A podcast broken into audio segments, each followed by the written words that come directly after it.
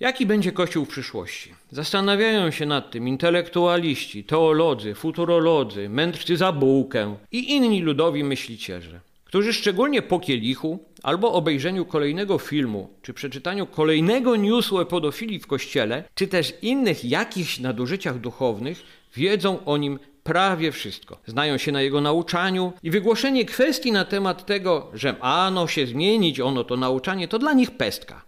Nie jest tak, że sam jestem takie pytania o Kościół współczesny niewrażliwy. Mało tego, jakąś tam opinię na ten temat mam. Nie, niekoniecznie będę je teraz tu ujawniał. Wiele z tego, co w mojej głowie na ten temat siedzi, to opinie niedoprecyzowane, oparte na wiedzy niepełnej, czy bardzo jednostronne. Poza tym wszystkim Kościół to Kościół i nie będę nim sobie tak zwanej gęby wycierał od tak jedynie dla poklasku. To, czego naucza, jest oparte na czymś wcześniejszym, a tamto prowadzi do Ewangelii, a ta z kolei wiedzie mnie do początków ludzkości. Tak, do czasu, w którym Bóg stworzył człowieka, na samym końcu tworzenia rzeczy, wszelkich rzeczy, tych, które znamy i których nie znamy, a które bez wątpienia w całości tworzą wszechświat, czy nawet wszechświatów wiele. Prywatnie nie przeszkadza mi opinia, że jest ich nieskończenie wiele, chociaż na poziomie wyobraźni nie mogę tego jakoś ogarnąć. Po co to wszystko? Ano rzeczywiście, przyszło to na mnie po lekturze książki, w ogóle dwóch książek. Ale o jednej z nich w tym miejscu chcę szczególnie powiedzieć, bo to ona odpowiada na pytanie, jakiego kościoła ja potrzebuję. Przynajmniej tyle dobrego. Odpowiedziała ona na pytanie w czasie, kiedy miałem pewien zamęt w głowie. Po przeczytaniu innej książki, pewnego publicysty, takiego, który się zna. Tamta pierwsza przyprowadziła mnie do zawrotu głowy. Niech słuchacz się domyśli, o jaką książkę mi chodzi. Dopowiem tylko tradycyjnie, że o tamtej pewnie będę mówił albo pisał kiedy indziej. A drugą, która mnie na jakiś czas wyleczyła, wymienię tutaj z imienia i nazwiska.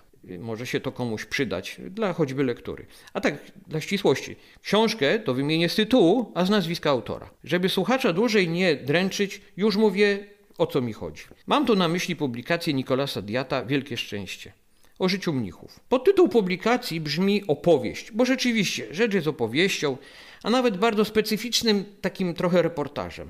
Autor jest znanym publicystą, pisarzem, publikującym od dłuższego czasu rzeczy mające nam przybliżyć monastycyzm, a jednocześnie w jakiś sposób pokazać go nam jako wzór życia chrześcijańskiego. Polskiemu i nie tylko jemu, czytelnikowi, znane są wcześniejsze rzeczy tego publicysty, choćby te powstałe wspólnie z kardynałem Sarachem, który zdaje się też z nadzieją patrzy w dzisiejszym zahałasowanym świecie na modlących się za nas wszystkich mnichów, żyjących według określonej reguły, trzymających się odwiecznych porządków, które trwają niekiedy około 1500 lat. Tyle mniej więcej liczy sobie reguła świętego Benedykta. Ostatnia w sensie najnowsza książka Diata jest, jak wspomniałem, czymś w rodzaju reportażu. Z francuskiego opactwa benedyktyńskiego właśnie Font Humboldt. Trochę musiałem przespelować. Już słyszę zarzuty, że pewnie obraz jest wyidealizowany, że nie wszystko jest tak doskonałe, jak na kartach książki zostało opisane, że to takie nienowoczesne. A w końcu, że opis ma znaczenie tylko historyczne, bo mnisi o tak surowej, nienowoczesnej regule pewnie niedługo wyginą jak dinozaury i tak dalej. Owszem, opowieść pewnie jest nieco bajkowa, może nadmiernie idylliczna.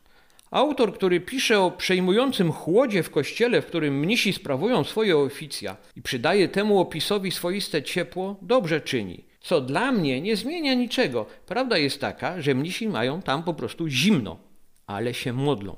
Kilka godzin dziennie. Za nas wszystkich, a także o swoją dobrą śmierć. Czy trzeba Kościół reformować? Oczywiście zawsze, ale tylko po to, by cała wspólnota szła poprzez doczesność do życia wiecznego. Oczywiście nie każdy musi być mnichem.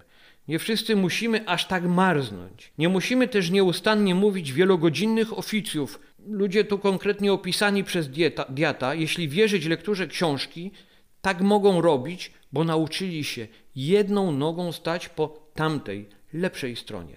My, no cóż, Możemy próbować ich naśladować, żyjąc w świecie, cieszyć się, że są i samą obecnością i trwaniem świadczą o tym, że życie duchowe jest kluczem, którym można otworzyć te najważniejsze dla naszego istnienia drzwi. Jak zawsze, za krótko, i może nie do końca jasno, mówił do Państwa Piotr Sutowicz.